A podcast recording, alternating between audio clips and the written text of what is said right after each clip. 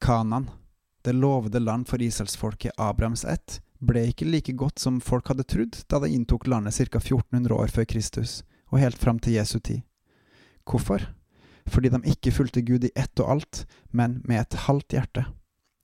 Mon tro om det er likedan for vestlige kristne i dag? Og samtidig, fremdeles er det håp, for Gud er nær, og Han vil. Vil vi? Velkommen hit til Gud i sentrum, der jeg, Håkon Winnem, håper på å gi deg noe å vokse på i livet med Gud. Da iselsfolket vandret ut av Egypt ca. år 1446 før Kristus, klagde og gjorde dem mye opprør. Utakknemlig var dem, og etter flere sjanser ga Gud dem opp. Neste generasjon fikk dog lov å innta Kanan, og det på mektig gudvis, deriblant Jerkos fall, som forskere mener skyldtes et lokalt jordskjelv. Det er også datert til rundt år 1400 før Kristus. Nå skulle man tro at neste generasjon hadde lært av forfedrenes feil, men bare halvveis.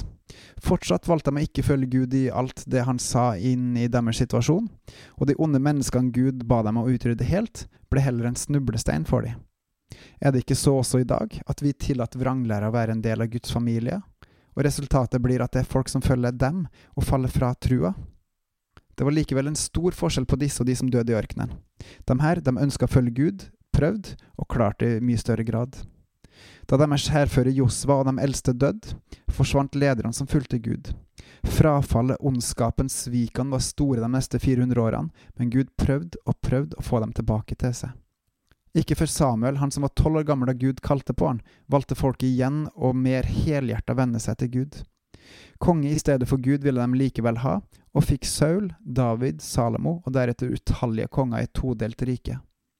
Som Gud advarte folket, ville kongen utnytte dem grovt, men de stolte ikke på at Gud var konge god nok for dem. Det gikk som Gud sa, og bortsett fra David og noen av kongene i Juda, Sørriket, var det konger som styrte som gjorde vondt imot Gud og folket. For det er det alle kongene blir målt på, om de fulgte Guds gode vilje. Det er i denne tida, kongetida, at profetene ble sendt fra Gud. Én etter én sto de fram og talte på hans vegne, og som oftest, én etter én, ble de lynsja eller fengsla. Gud brukte disse som talerør for å vekke opp folk fra deres onde vei, fra å ikke bry seg om farløse enker fremmede, fra å handle med falske vekter, fra å tjene seg sjøl i stedet for andre. Når de trengte hjelp, valgte de fleste å søke hjelp hos andre konger rundt seg, i stedet for hos Gud. Gud lengta og lengta etter at hans barn skulle komme hjem til han, sitte ved hans fot og få opplæring i sannheten, i kjærligheten, i rettferdigheten, men folk valgte å følge sin egen vei, og gjerne tilbe noe dødt. Noen gode unntak finnes, f.eks. Elia på Karmelfjellet med de 450 Baal-prestene. Men med den store ondskapen som var, endte det slik det måtte, med bortføring fra Israel og deretter Juda. Dom og frelse forkynte profetene, så også i dag. Dom hvis man ikke vender om, frelse hvis man kommer til tro på Jesus som vår frelser.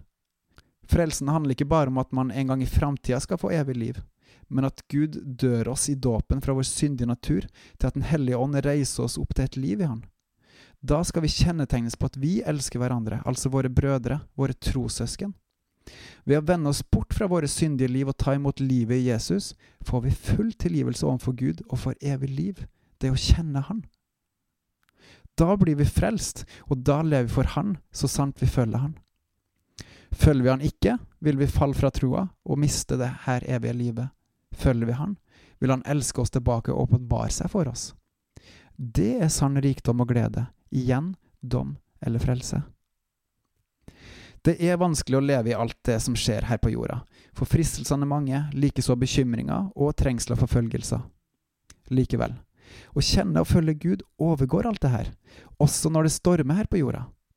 Jeg kjenner flere voksne gudsbarn som har opplevd store ting her på jorda, nok til å knekke ryggen på dem, og likevel, Gud er nær. Han var der og gikk med dem. Også det kom dem gjennom, fordi Gud var nær. Å, hvor godt det er å følge Herren, og hvile i Hans favn og vite at man er trygg hos Han. Kom til Jesus med alt du er og har, både skyld og skam, og finn hvile, finn fred. En fred som overgår absolutt all annen fred du kan tenke deg. Gud er Gud, Gud er vår far, og han elsker sine å åpenbare seg for oss. Salige visshet, Jesus er min, han er min hyrde, kaller meg sin. Salige visshet, allting er vel, Jesus har kjøpt meg, legem og sjel.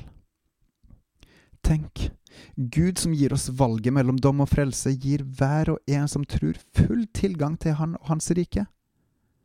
Ikke fordi vi fortjener det langt ifra, men fordi Han vil det, og vi tar imot Hans kjærlighet, Jesus. Jesus, takk for at du kaller oss, at du frelser oss og renser oss. At sjøl om vi er svake og små, så får vi ta del i ditt rike. Så får vi lov til å følge deg. Din er makten og æren i all evighet. Også når vi svikter, rekker du ut din hånd og gir oss en ny sjanse. Må vi, ditt folk, ta din hånd og følge deg. For du er sannheten, veien og livet, og du er den eneste sanne konge i all evighet. Amen. Folkens, følg Jesus. Bebels. På gjensyn.